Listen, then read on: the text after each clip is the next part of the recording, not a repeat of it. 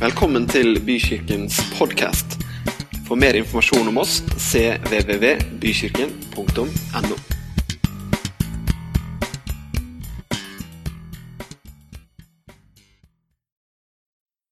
Jeg har lyst til å si til dere ungdommer at eh, om du ikke har valgt Jesus, så er det mulighet også i dag. Det er utrolig viktig valg. Og jeg kan forsikre dere om det at jeg var tolv år da jeg ga mitt liv til Jesus. Og det var litt sånn spesiell opplevelse, fordi at eh, jeg var sammen med mor og far på et møte. Og far han var litt høyere enn meg. Sånn at jeg sto der og Jeg skal være så ærlig at jeg sprang ut av møtet i 14 dager. Det var en sånn møtegreier fra 14 dager. 14 dagers møte, det var den gangen da. Det er ikke sånn i dag. Men det var 14 dager med møte, og jeg sprang som bare juling ut, for jeg var livredd for å få det spørsmålet fra den der predikanten som spurte så veldig direkte har du tatt imot Jesus. Så jeg sprang. Jeg sprang det jeg kunne, for jeg sto og venta på parkeringsplassen til mor og far. Men siste kvelden, da da kom han meg ikke tidsnok ut. Det var veldig Da tenkte jeg hva skjer nå? Og jeg kom ned der, og han spurte så inntrengende som bare han gjorde. Og han spurte meg enkelt og greit er du frelst, gutten min. Det betyr har du tatt imot Jesus. Så snur jeg meg så ser jeg opp til pappa.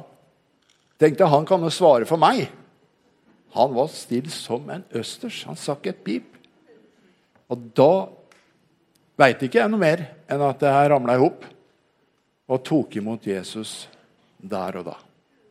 Og det har jeg lyst til å si at det er fullt mulig å ta imot Jesus i dag. Han er for å leite etter deg. Så er det et bilde av en sau, et lam, der bak meg. Hva har det å si? Jeg kan fortelle deg at når jeg var guttunge, så var jeg ofte på besøk hos min bestemor og bestefar. Og de hadde sauer. Og de holdt til i Oppdal, eller på Nerskogen, der i Sør-Trøndelag. Og min bestemor kunne fortelle at de slapp jo sauene ut om eh, våren inn i Trollheimen. Og det er nokså vidt. skal jeg si Det Det er ikke bare 100 meter, men det er jo på milevis. Og da var det slik at eh, noe som heter Glupen, det var åtte timer av gange helt inn og åtte timer tilbake. For å leite etter kanskje én sau. Og Den gangen så hadde de Felleskjøpets eh, mjølposer, 50 kilos mjølposer. De hadde fem eller åtte lag. Så bestemor tok med seg en tom sånn, to sånne. Når hun kom inn, så tredde hun den ene på fra føttene. Da kom hun opp hit. Tredde hun den andre over hodet. Klippet hun til der. Så la hun seg ned, og så sov hun. Det var isolert. Fantastisk isolasjon. Det var fem eller åtte lag. Det er før manges tid her.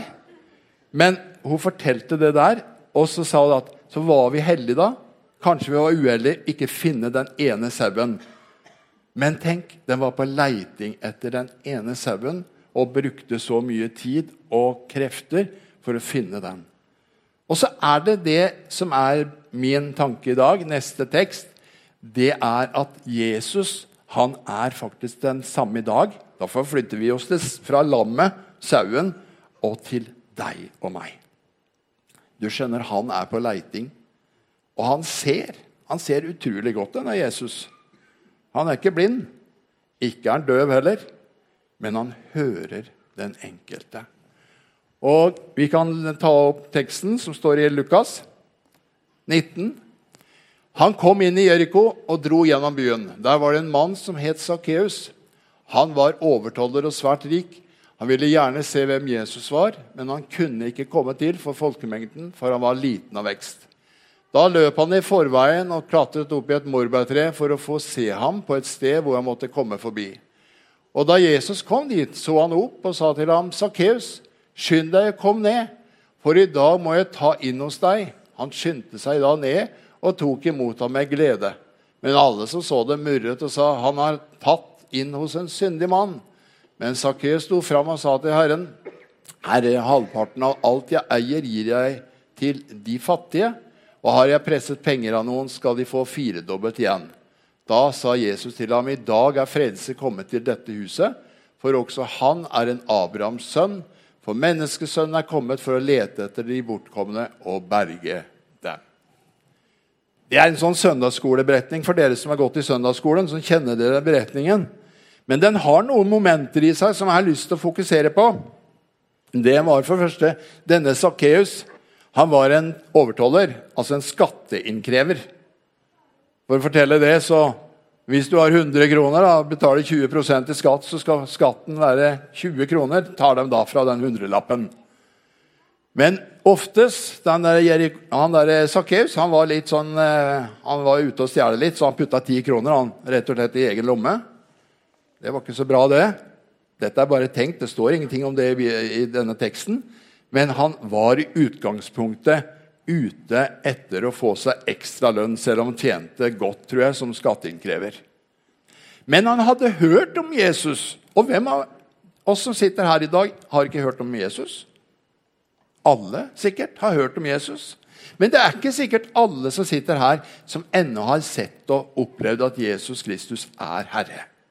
Men jeg har lyst til å formidle det til deg i dag, altså, at mulighetens tid er ei forbi.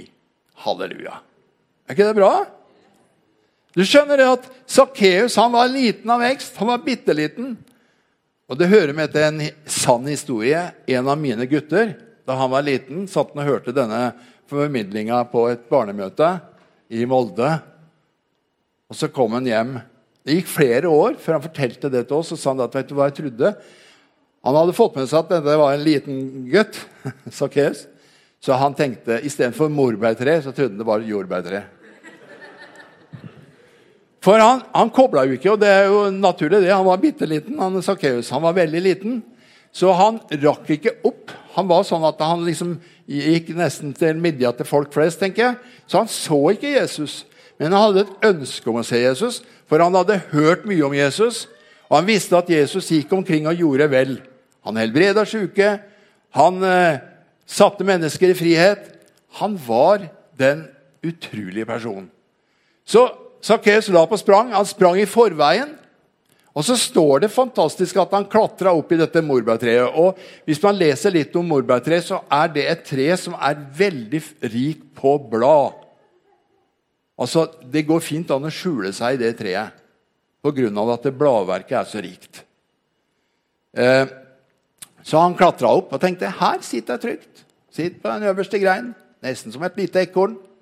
Ser ingen verdens Han ser ikke meg når jeg kommer forbi. Men du skjønner, Jesus han visste nøyaktig hvor Sakkeus satt den formiddagen, den dagen. Og han veit akkurat hvor du sitter nå. For det står det i min bibel at selv hårene på hodet er talte. Så for oss som begynner å bli snau i håret, så tenker jeg hver gang jeg mister hår, så tenker jeg oi, nå er jeg registrert. Jeg har en sånn barnslig tillit Jeg har litt sånn barnslig tillit til Herren at han har full kontroll. Og det står faktisk så det at ennå mens du var i mors mage, så kjente han deg. Er ikke det fantastisk? da? Det er utrolig rikt. Du skjønner at du er elsket. Du er så dyrt elsket at han ga livet sitt for deg og meg. Det går ikke an, sier du. Jo, det går an, for Jesus han har sonet all vår synd, skrøpelighet, elendighet da han døde for oss på korset. Fantastisk. Denne Sakkeus hadde hørt det, at denne Jesus han er jo en helt utrolig person. Så han klatra opp. Så satt han der. Og så ser han det kjempestore følget, og så ser han Jesus midt i folkemengden. Men det Sakkeus ikke trodde skulle skje, det skjedde jo. Han, Jesus stoppa midt under treet, og jeg syns jeg ser for meg Sakkeus.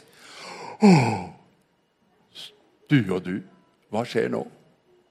Du må bare gå forbi, gå forbi, gå forbi. Du trenger ikke å stoppe her. Han stoppa, og så ser han opp. Og idet han ser opp, så sier han følgende.: Skynd deg ned, Sakkeus.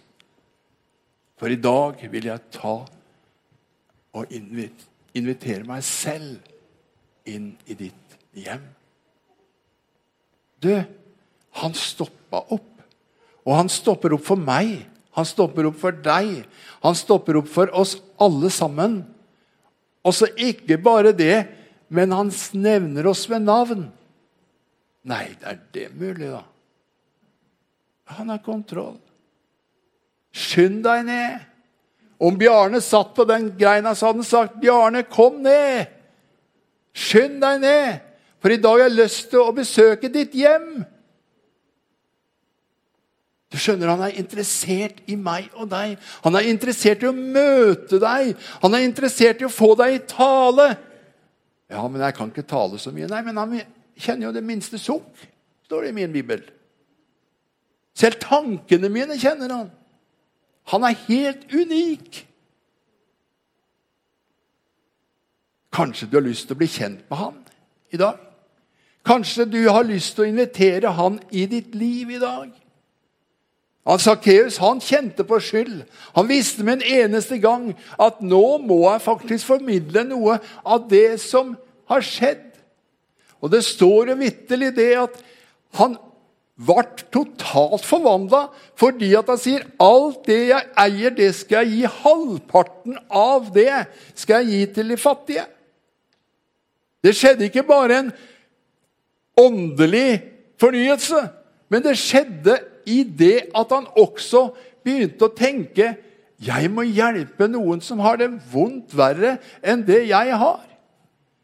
Og så sier han sannelig også det at har jeg stjålet penger eller tatt penger fra noen, så skal jeg gi dem firedobbelt igjen. Det var raushet. Så var det noen der da som knurra. Det er sånn det er alltid, syns jeg. Når jeg leser om hendelser som skjer der Jesus gikk omkring, så er det alltid noen såkalt skriftlærde andre som bare sier Legger seg borti og kritiserer og nord og ned.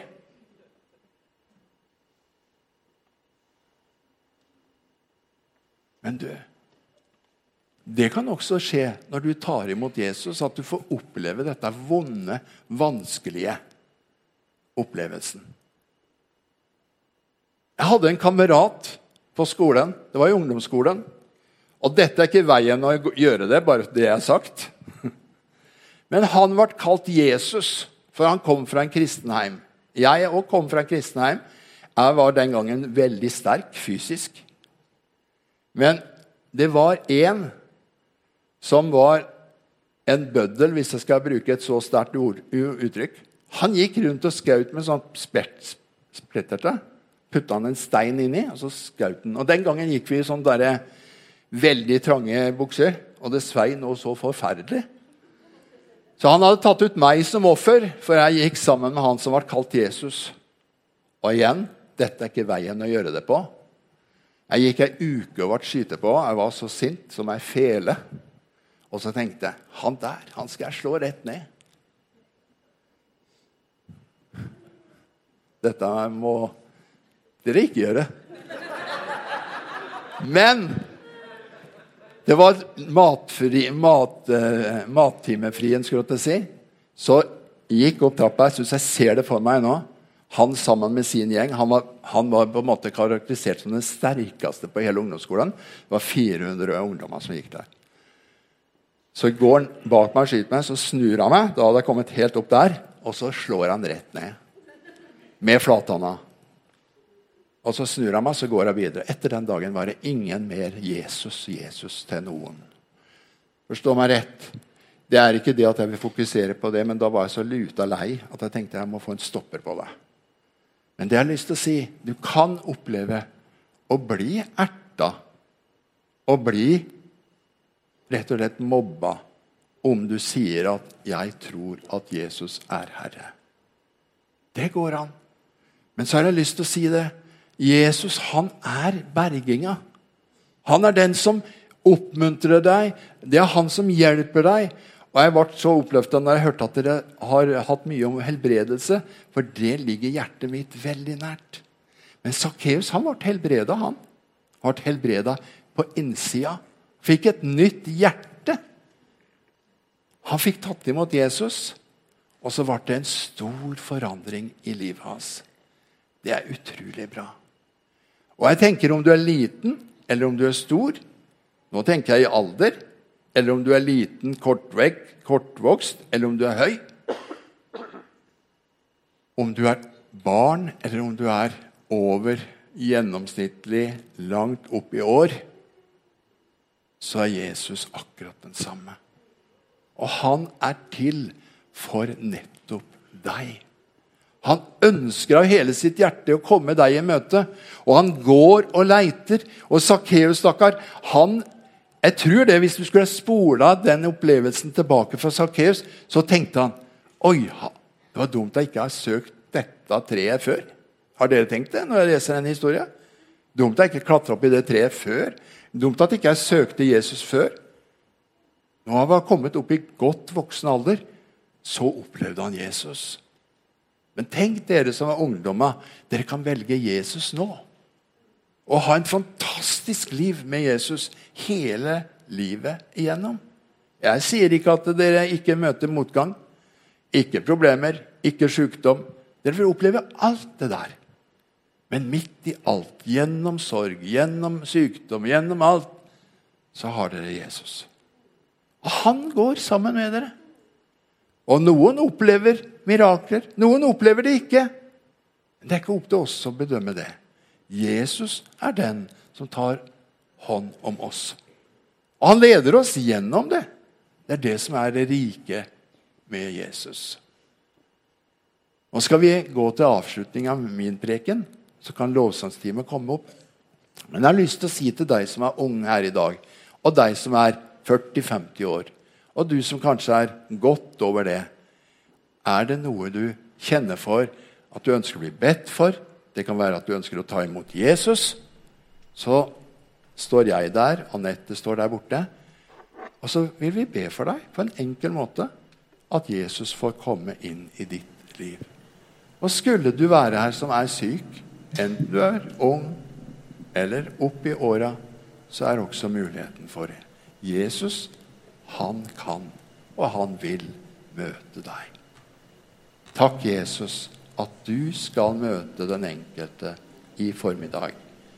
Du er rik nok, og alle som kommer til deg, går ikke skuffa bort. Vi takker deg for det. Amen.